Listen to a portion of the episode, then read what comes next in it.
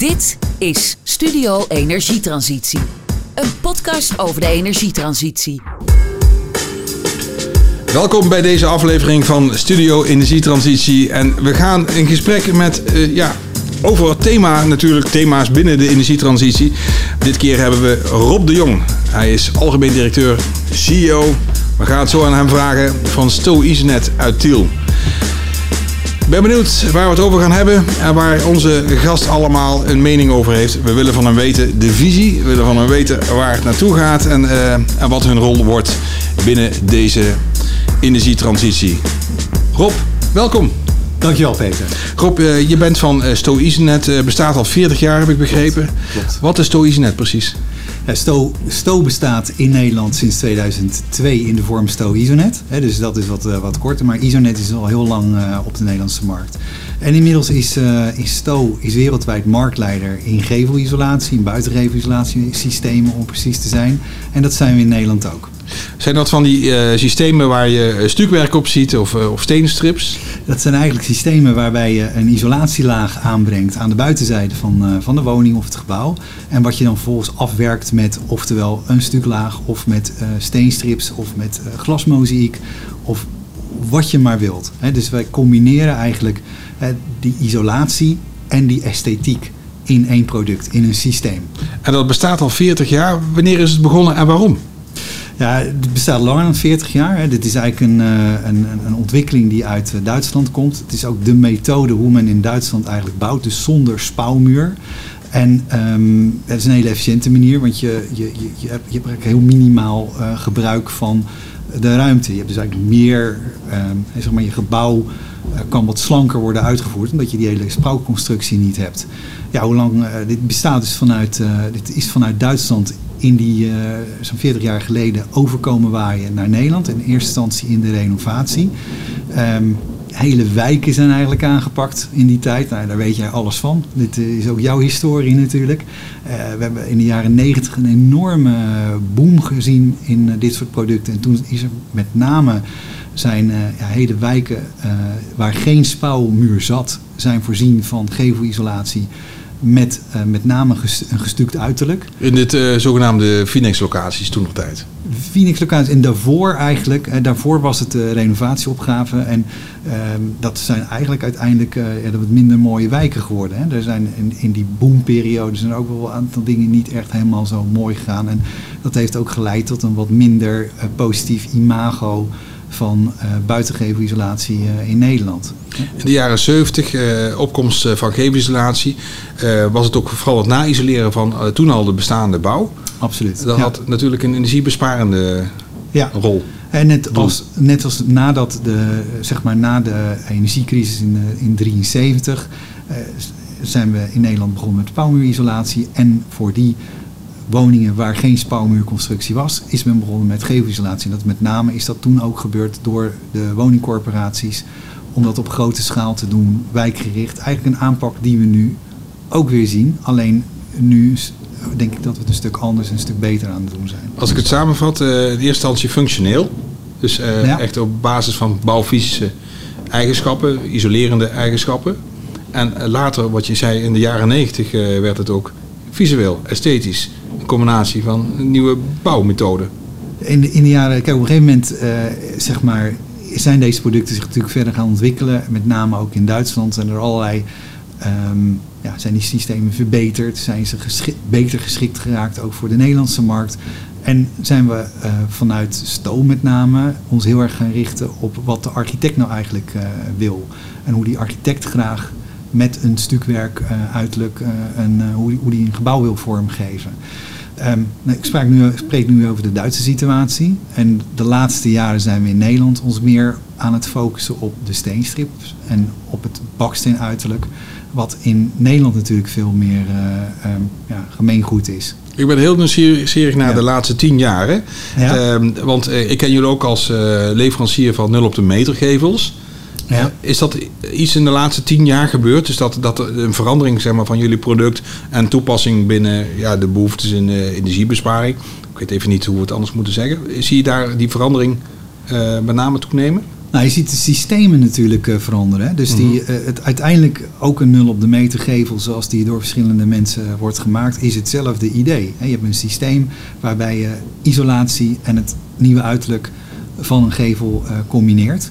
Alleen als we het hebben over de aanpak binnen nul op de meter of de, ja, de, de, de, de prefab gevels, dan, um, dan worden die fabrieksmatig worden die eh, geproduceerd. En wat wij doen, wij zijn een OEM-leverancier. Dus wij leveren materialen aan die fabrieken. Uh, en we zorgen ervoor dus dat, dat die fabrieken daarmee dan optimaal kunnen functioneren. Nou, dames en heren, weet u wat, wat hij bedoelt met OEM-leverancier? Uh, maar dat gaan we dus vragen. Uh, we hebben Rob de Jong te gast. Hij is algemeen directeur bij Sto Easynet. En we willen alles van hem weten, van zijn producten aan die gevel... om uh, uiteindelijk energie te besparen. Maar het moet er ook nog vrij uitzien. Zo direct weer meer over dit product van Rob de Jong. Dit is Studio Energietransitie. Een podcast over de energietransitie.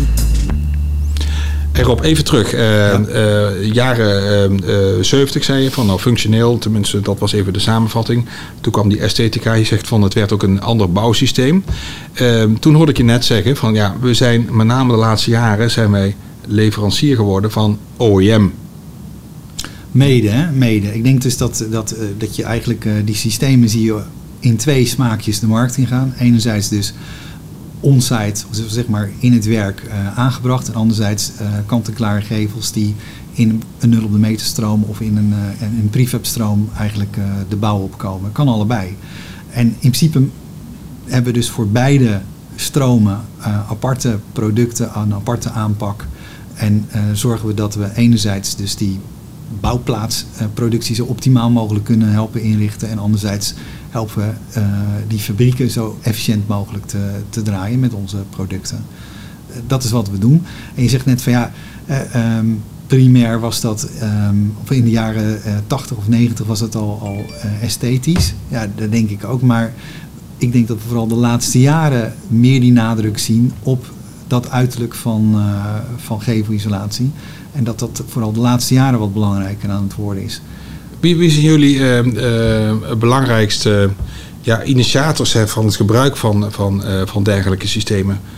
Zijn dat architecten of zijn dat bouwbedrijven? Van waar komt het, waar start het?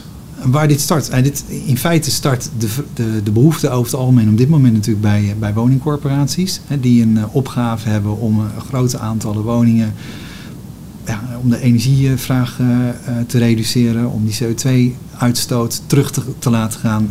Daar zien we heel veel vraag vandaan komen. En um, daar, uh, zeg maar, um, ik ben op je vraag even kwijt, Peter. Sorry. Ja, even, kijk wat, als je kijkt van, uh, je zei al in het begin in de jaren 60, ja. 70, 70 zeg maar, was het vooral het na-isoleren van, van ja. gebouwen. En dat begon natuurlijk met woningcorporaties.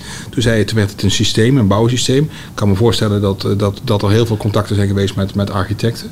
Ja, bedoel, oké, ik begrijp wat je bedoelt. Ja. We hebben zowel natuurlijk renovaat, uh, renovatieprojecten als uh, nieuwbouwprojecten. Ja. En je ziet op dit moment natuurlijk ook het hele aandeel nieuwbouw enorm toenemen. Omdat, ja, nogmaals, omdat die nieuwbouweisen aan uh, de schil ook omhoog gaan, loont het de moeite om te kijken naar alternatieve manieren van bouwen. Dus niet meer alleen met een, een traditioneel spouwmuur, dat je open ruimte verliest, maar vooral ook compacter bouwen met bijvoorbeeld een regelisolatiesysteem. Dit is geen commodity product? Dit is zeker geen commodity product. Um, er komt toch een hoop advies bij kijken. Dit zijn gespecialiseerde bedrijven die dat uh, aanbrengen. Wat voor soort bedrijven zijn dat? Dat zijn over het algemeen uh, gespecialiseerde, wat grotere stucadoorsbedrijven die dit projectmatig dan uh, aanbrengen. En er komt best wel een hoop kennis bij kijken om het goed te doen. Hè, met name in detaillering, de aansluitingen tussen dak en gevel, de aansluitingen bij de kozijn. Dat zijn allemaal zaken die niet zo eenvoudig zijn. Het is niet voor de doe-het-zelver om dat, uh, om dat uh, makkelijk te doen. Kan wie, wel, wie, maar... wie engineert dat uit allemaal, dus uh, die dit, detaillering? Ja, dus wat wij doen zelf doen, is wij helpen eigenlijk om het idee wat die architect heeft, om dat te vertalen naar een stuk techniek. En om de vertaalslag te maken naar die applicatiebedrijven die het vervolgens aanbrengen. Maar er zijn ook voldoende professionele applicatiebedrijven die daarin zelf een heleboel uh, kunnen, kunnen doen. Je zei zojuist al van ja, je levert uh, de producten buitengevelisatie, uh, ook ten behoeve van energiebesparende projecten. Ja. Eh, nul op de meter woningen. Eh, soms via een fabriek en eh, soms ook niet via een fabriek, ik neem aan, dus Ja. eh, via de ge- geëikte kanalen. Hoe belangrijk is die energietransitie voor jullie? Ja, is natuurlijk erg belangrijk. En, en ook gewoon ehm, eh, iets waar we al, al, ehm, ja, natuurlijk ook al, al jarenlang eh, mee bezig zijn. Als je bekijkt hoeveel, ehm, ja, hoeveel zeg maar, olie er wel niet bespaard is in Duitsland, alleen door op deze wijze te, eh, te bouwen, is dat, is dat best veel. Je ziet nu een versnelling van de vraag. En we zien dus de moeite die de markt heeft om, om het bij te benen. En we hebben al een tijd geleden ingezet op die industriële aanpak. Om te zorgen dat we, wanneer er een verdere vergroting van de vraag plaatsvindt, dus dat er ook een, een opschaling kan plaatsvinden aan de, eh, kan plaatsvinden aan de aanbodzijde. Dat vraagt wel een bepaalde adaptiviteit zeg maar, van Ja. jullie als organisatie. Eh, we hadden het er straks in het voorgesprek al over. Van stel nou voor eh, duizend woningen per dag die Ja. gerealiseerd moet worden. Want ja, dat geeft een infarct op distributie en op, eh, op, op mankracht wat je nodig hebt. Ehm, eh, zijn dat allemaal vraagstukken waar jullie ook al mee bezig zijn? Ja, die duizend woningen per dag is gewoon echt nog ver weg natuurlijk. Dat is echt een, eh, best een uitdaging om dat, laat ik zo zeggen, om dat in de Nederlandse context te realiseren. Ehm, maar duizend woningen per dag. Aan de andere kant, in Duitsland wordt er een, een veelvoud van duizend woningen per dag gerealiseerd op, met deze bouwmethodiek. Dus- en dan bedoel ik niet nieuwbouw, maar ook renovatie. Dus het is maar net hoe, hoe die markt zich verder ontwikkelt en hoeverre daar voldoende applicatiebedrijven en ehm, ja, projectmatige kennis aanwezig gaat zijn om dat ook te realiseren. Diederik Samson zegt het wordt de grootste renovatieklus ooit in Nederland eh, binnen de bouwsector. Merk je nu al zeg maar, die toename zeg maar, van, eh, van, ja, van die omzet of van die behoefte? Ja, dat merken we zeker. Ik bedoel, wij zijn in, in, in omzet gewoon verdubbeld sinds eh, in de afgelopen vijf jaar. Dus dat gaat, we zien echt die toename snel gaan. En ehm, het mooie daarvan is, en dat zien we dat ook goed werkt, is dat het eigenlijk twee dingen bij elkaar brengt. Ehm, enerzijds is, hebben we een renovatieopgave die een energetisch effect heeft. Dus we gaan die woningen beter maken, energetisch. Maar tegelijkertijd is dat ook een kans om hele buurten eh, er mooier uit te laten zien. Om die, die buitenruimte aan te pakken, om eigenlijk eh, wijken veel leefbaarder te maken dan ze nu zijn. Eh, en dat is, dat, dat is eigenlijk het mooie van wat we doen. Interessant dat je ook zeg maar, die, die kijk hebt. Dit gaat ook onder andere over wijk aanpakken. Nu is het klimaatakkoord is, vastgesteld. Ja. Ben je er blij mee? Nou, is in ieder geval weer een stap verder. eh, een stap verder. Dus ik denk dat daar, eh, er zitten een aantal goede dingen in. Ik denk wat, wat heel belangrijk is, ehm, is eh, dat, dat uiteindelijk natuurlijk ook die particuliere markt op gang gaat komen. En wat we nu vooral zien is de, de woningcorporaties die aan het acteren zijn. Daar zien we een versnelling van de vraag. Maar ehm, op het terrein van particulieren gebeurt er nog niet zoveel. Niet op zeg maar, eh, als het gaat om, eh, om onze productgroep.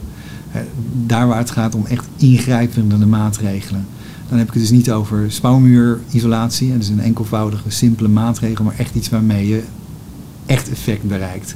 En waarbij je echt die, ehm, ja, die energievraag eh, drastisch eh, terugbrengt. Dan zie je sinds een jaar eh, dat ook nieuwbouw moet voldoen aan een hogere eisen qua isolatiewaarde. Dus aardgas wordt niet meer aangesloten. Heeft dat ook effect zeg maar, op ja, particulieren die nieuw gaan bouwen? Merk je ook dat jullie systemen daarbij een ja, natuurlijke oplossing zijn om Ja. toe te passen? Absoluut. Dus we zien vooral ook in die, wat wij de, het villa-segment noemen, dus vrijstaande woningen, wat, wat duurdere woningen, daar zien we een enorme toename. Omdat het is natuurlijk een hele efficiënte manier om te bouwen. Het is niet voor niks de meest gebruikte bouwmethode van Europa. Eh, het is dat wij in Nederland ooit zijn begonnen met die spouwmuur. En dat we eh, ja, daar een hele cultuur in hebben ontwikkeld. Dat dat zo groot is geworden. Ehm, maar eh, ja, als je daar rationeel over nadenkt, moet je afvragen of dat nou ook de, de beste methode is. Nee, dus je- Ja. dat wordt nog zoeken de komende jaren. Eh, uiteindelijk, eh, tenminste als je eh, luistert naar de plannen die vanuit de Rijksoverheid af en toe geventileerd worden, gaat het over versnellen. Dus Ja. uiteindelijk, ja, we willen de, die grote, grote renovatieopgave met z'n allen snel op gang zien, zien te krijgen. Wat zijn de belangrijkste drempels? Nou, als het gaat om dus de renovatie bij particulieren, denk ik dat dat vooral een stuk dat dat financiële incentives zijn die ontbreken. Hè, eh, Gebouwgebonden financiering bijvoorbeeld. Gebouwgebonden financiering is een hele belangrijke. Maar kijk je naar de landen om ons heen, en dan zien we dat daar, dat daar eh, subsidies altijd een belangrijke rol hebben gespeeld om die markt verder op gang te brengen. Om de aanbodkant, dus de, de mensen die daarmee aan de gang zijn, om dat naar een hoger niveau te krijgen. Dan bedoel ik in aantallen mensen die daarmee bezig zijn. Het heeft in België geleid tot een eh, vervijfvoudiging van, van die markt. En ja, Frankrijk, Duitsland zijn allemaal goede voorbeelden waardoor door financiële incentives die markt echt gegroeid is en waardoor er heel veel bereikt is op dat ge- gebied. De Rijk als aanjager dus. Het Rijk. Rijk, provincies, gemeentelijke. Als het, het gaat om enerzijds natuurlijk eh, normerende wetgeving. Oké, wat waar moet het uiteindelijk aan voldoen? En anderzijds incentives om het ook eh, te laten gebeuren. Kijk, als je als Nederlander op een gegeven moment het idee krijgt dat je een dief bent van je eigen portemonnee, als je niet meedoet, dan gaat er op een gegeven moment heel veel gebeuren. Dan gaan mensen dat wel degelijk wel doen. Ik denk dat we in Nederland uitstekend hebben laten zien hoe je een versnelling kunt eh, eh, veroorzaken als je kijkt naar hoe dat is gegaan met elektrische auto's. Ja, Maar wat is daar de achtergrond eh, van? Dat is met name financiële incentives geweest. Nou, dat kan ook in de bouw. We gaan zo direct eh, verder met eh, Rob, Rob de Jong, eh, de algemeen directeur van Sto Isenet. We willen ook van hem weten eh, wat hij allemaal eh, heeft gedaan in de samenwerking sneller, beter naar nul op de meter. Ook nog een Open Zuid eh, samenwerking. Eerst even dit. Studio Energietransitie. Kijk ook voor de videoversie van deze podcast op studioenergietransitie.nl. Ik ga straks eh, ga ik, eh, jou een aantal stellingen voorleggen. Maar eh, even over die samenwerking, dat Open Zuid project. Sneller, beter, nul op de meter, oftewel SBNOM. Ja. Eh, daar zijn jullie een van de partijen in. Ja. Het gaat vooral over samenwerken, toch?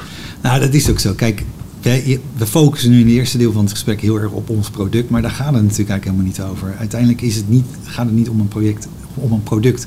Het zijn, dat is een, een van de dingen die spelen in die transitie en in het zeg maar ehm, ja, eh, renoveren van die bestaande omgeving. Juist dat samenspel tussen gemeentes, de woningcorporaties, de verschillende industriële aanbieders. En daar zijn wij er maar eentje van. Want ik denk dus dat de installatietechniek net zo belangrijk als, het, als, eh, zijn, is als de, de mensen die met de schil aan de gang zijn.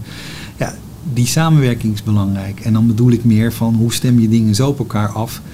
Dat je de juiste dingen stimuleert, maar dus dat je ook ehm, ja, zorgt dat er niet telkens het wiel opnieuw wordt eh, uitgevonden.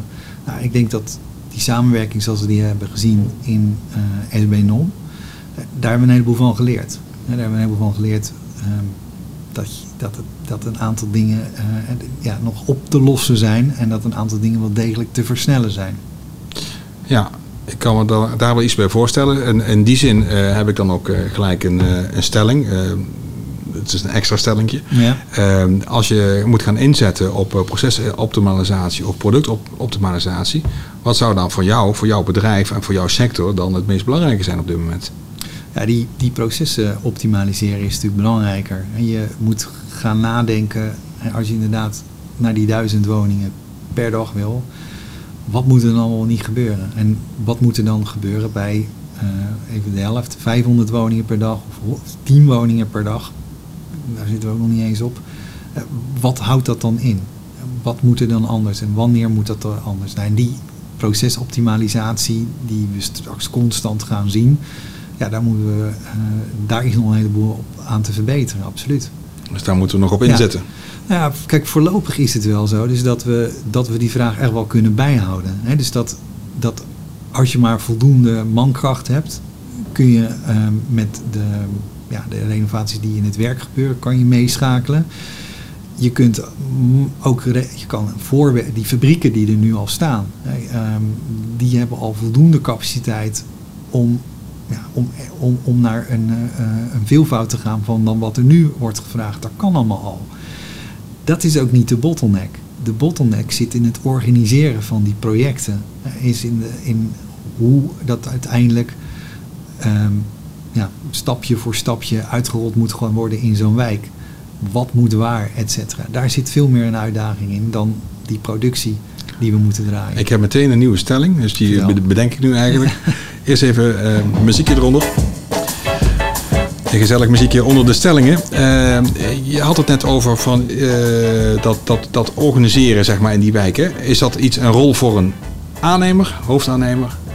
eh, of voor een onderhoudsbedrijf? Of voor een architect? Om maar eens even drie te noemen. Die hebben er natuurlijk alle drie een rol in. Dus ik weet niet of dat antwoord ook wil geven. Maar ik, ik zie met name dus dat eh, de, de onderhoudsbedrijven, dus eh, vooral die zich georganiseerd hebben binnen Onderhouds.nl, dat die de belangrijkste kartrekker kunnen zijn in die grootschalige eh, renova- renovatieopgave.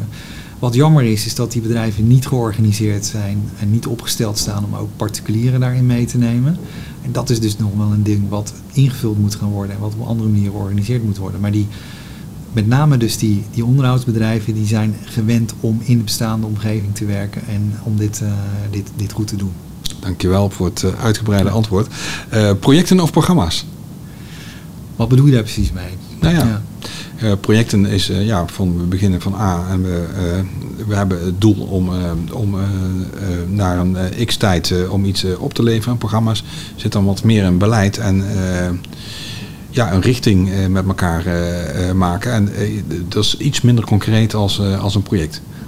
Ja, dan ben ik zelf meer van de projecten. Ik vind van A naar B duidelijk je doelstellingen neerzetten. Ik denk dat, dat als je dat herhaaldelijk doet, dat je verder komt dan wanneer je dat te programmatisch abstract houdt. En natuurlijk is dat ook belangrijk, maar we zijn in Nederland uitstekend in het bepalen van de richting. Ja. Hè, we- Ik denk dat nou ja, wat er in het klimaatakkoord is besproken, dat dat ook een goed voorbeeld daarvan is. We hebben die stip aan de horizon wel staan.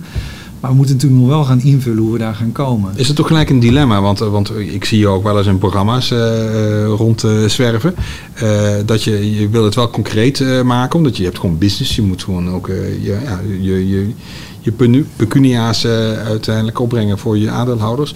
Eh, dat dat eh, het bedrijfsleven, wat, want heel vaak wordt er gezegd, de markt moet nu eh, zijn rol oppakken. Dat, maar ja, je hebt ook gewoon je business te doen. En die programma's die vragen natuurlijk heel veel inzet en energie, zonder dat je daar eh, direct eh, resultaten ziet. Is dat Nou ja, ik, ik, ik, ik, zie, ik weet niet precies wat je daarmee bedoelt, maar in, in principe hebben wij ook wel een rol om natuurlijk eh, vanuit het bedrijfsleven te laten horen van welke richting wij vinden dat het op moet gaan. Dus daarin willen we onze stem ook wel laten horen. Ja. Dus daarin is het natuurlijk oké om mee te doen in programma's. Maar is het niet soms te veel gevraagd? Dat bedoel ik eigenlijk, dat bedrijven zich daar veel tijd in steken. Want het kost allemaal geld. als het te abstract blijft, is dat natuurlijk jammer. Ja. En het hoeft niet allemaal te leiden tot eh, directe business, als het maar wel tot een eh, gedefinieerd doel leidt. En, en dat je zegt, oké, dit willen we met elkaar bereiken en nu gaan we dat ook doen. En deze zaken organiseren we omheen om het ook te bereiken. Ja, dat vind ik wel heel belangrijk. Hebben jullie een goed georganiseerde lobby? Nee, ik denk, eh, daar, wij zijn een heel kleine speler in Nederland. Ja, maar jullie als sector zijn ook nog klein. De isolatiesector, als je daarnaar kijkt, dan, dan is dat wel een, een eh, beter georganiseerde sector, maar ook wel met weer eh tegenstrijde belangen onderling. Maar ehm, ik, ik wil niet zeggen dat er nou echt een geweldige lobby of zo, of dat, dat dat op die manier zo plaatsvindt. Dat, dat lijkt altijd als je er van buiten naar kijkt, maar dat is denk ik, dat, dat valt wel mee. Ik denk, wat van belang is, is dat we onze stem als industrie kunnen laten horen, ook aan de politiek. Eh, dat we kunnen aangeven waar we denken dat, er- dat er versnelling mogelijk is. Ehm, en ehm, ja, dus dat, ik, ik- laat ik zo zeggen, wat wij dus als Sto Isonet doen. We ondersteunen een aantal clubs die voor ons onze belangen behartigen. Een goed voorbeeld daarvan is Vereniging Stroomversnelling, waar ook heel veel ja, woningcorporaties, gemeentes en dergelijke bij eh, aangesloten zijn. En die hebben echt heel veel goed werk gedaan. Mm. Ik denk een goed voorbeeld is die energieprestatievergoeding die nu in de wet, hè, dat wat in de wet geregeld is, wat eigenlijk dus de, ja, de split incentive probleem heeft opgelost. Ja, dat is erg belangrijk dat dat goed is eh, eh, verankerd. Dat er nu nog een hoop kritiek op is in de uitvoering, dat geloof ik allemaal wel. Maar er is wat bereikt. Er is een heel duidelijk, duidelijk doel bereikt. En daarom ondersteunen we dat bijvoorbeeld. Daarom zijn we daar al een aantal jaar eh, actief lid, eh, lid van. En hetzelfde geldt voor bijvoorbeeld een club als het eh, Nationaal Renovatieplatform. En dat zijn niet brancheorganisaties, maar dat zijn meer ehm ja, belangen, plat- belangenplat- platforms. platforms Ja. ehm, die naar een gemeenschappelijk uh, belang streven. Daar hebben we binnenkort ook Ivo ja. opstelt hier uh, in de podcast. Dus dan zullen we die vier even overgeven. Uh, heeft ik, hij zeker verdiend. Heeft hij zeker verdiend. Ehm, ik ga hem dan nog wel even kritisch over ondervragen. Maar je had het net over van de overheid. En ook om daar goed in beeld te komen. Dus rondom beleidsbepaling. We hebben een laatste vraag in deze podcast.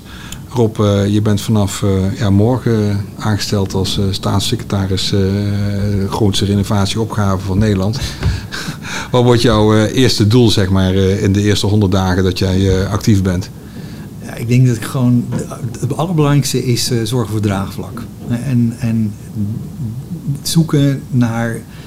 Um, de, zeg maar de, de tegenstand die je, die je natuurlijk krijgt op dit soort grootschalige veranderingen. En zorgen dat er draagvlak komt. Dat, we, dat er, dat er um, een, uh, ja, een gevoel gaat ontstaan van jongens, dit moeten we inderdaad met elkaar doen. En de problemen die we, komen, die we tegenkomen gaan we ook oplossen. En een belangrijk aspect daarvan is uh, ook dus dat het voor de mensen met de minste, uh, minst grote beurzen ook goed gaat opgelost gaan worden. dus we hebben een enorme opgave te doen we moeten vooral um, zorgen dus dat mensen die economisch wat minder meekomen hier niet de dupe van gaan worden. Maar dat ze er juist van profiteren. En dat we juist Nederland niet alleen um, ja, technisch, uh, bureaucratisch een bepaalde richting heen duwen om, om, om die doelstelling van Parijs te halen. Maar dat er draagvlak komt om Nederland niet alleen energiezuiniger, dus CO2 die CO2-reductie terug te brengen, maar ook vooral een stuk mooier en socialer te maken. Je klinkt nu al als een politicus. uh, waar kan ik jou op afrekenen na 100 dagen? 100 dagen, nou dat, dat er daadwerkelijk dan een aantal partijen zijn die zeggen, nou oké, als, het, als we het op deze wijze kunnen doen, dan, uh, dan doen we weer mee. Ja. Uh, en ik vind het grootste gevaar is uh, dat er verdere polarisatie ontstaat, waarbij de ene helft van Nederland sneller wil gaan dan de andere helft van Nederland. En waar we dan bij per saldo dus weer niks mee opschieten. Nee. De mensen die niet willen, daar moeten we goed naar luisteren. En daar moeten we de oplossingen voor gaan vinden. Nou, mooie uh, wijze woorden aan het eind. We danken onze gast uh, Rob de Jong in deze podcast. Uh, heeft u ook interesse zeg maar, in deze podcast in de videovariant? Dan kijk gewoon even naar www.studioenergietransitie.nl. Rob, bedankt. Dankjewel. Leuk. Oké, okay, dit was hij weer. Deze podcast is mogelijk gemaakt door kwartiermakers in de bouw.